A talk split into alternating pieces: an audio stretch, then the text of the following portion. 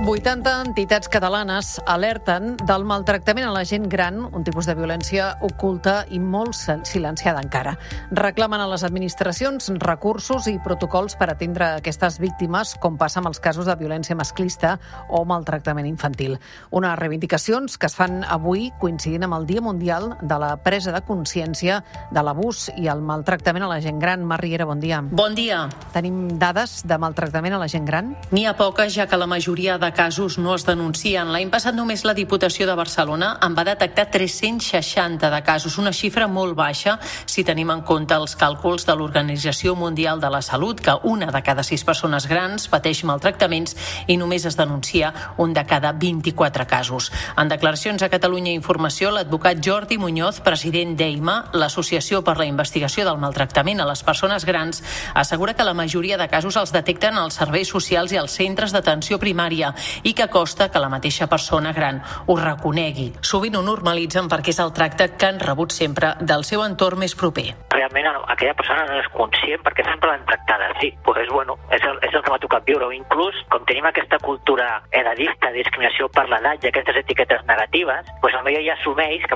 a partir de determinada edat és el que em toca viure. No? Muñoz assegura que en el tema dels maltractaments a la gent gran estem com fa uns 30 anys estàvem amb la violència masclista i reclama recursos específics específics com un telèfon confidencial per atendre les víctimes i a més avisa. Sí, malgrat tenir recursos i serveis, passa tot el que passa amb violència masclista i amb infants, imagineu el que pot arribar a passar amb persones grans sense recursos ni serveis, no? A Marc, quin és el perfil de la persona gran maltractada? El d'una dona d'uns 80 anys en situació de dependència i vulnerabilitat. El principal tipus de maltractament és el psicològic, seguit de l'econòmic, les negligències i també el maltractament físic. Durant el confinament, com va passar amb altres tipus de violència, va ser més difícil detectar aquests casos, però ara sembla que estan aflorant, segons Muñoz, que denuncia que a dia d'avui encara es vulneren els drets de moltes persones grans. Jo resulta que puc estar fins a la una de matinada amb la família, amb amics, amigues, prenent sopar, prenent una copa, prenent la fresca,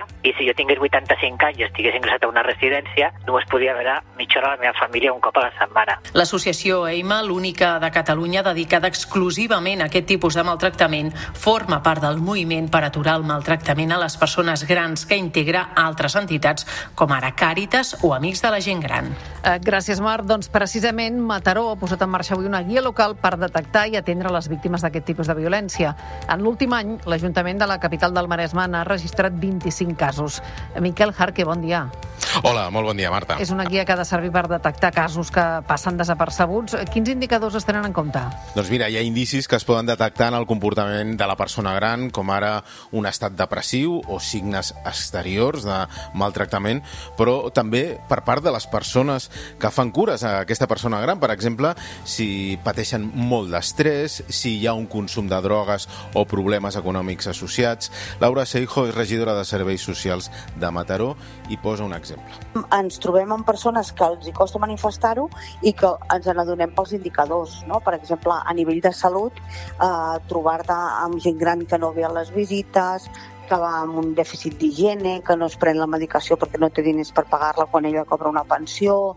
Aquest tipus d'indicadors són els que eh, fa que el professional ho detecti i llavors posem en marxa tots els mecanismes de coordinació entre els diferents agents. El retrat de les 25 persones grans víctimes de violència a Mataró és molt similar al que apuntava ara fa uns moments la Mar.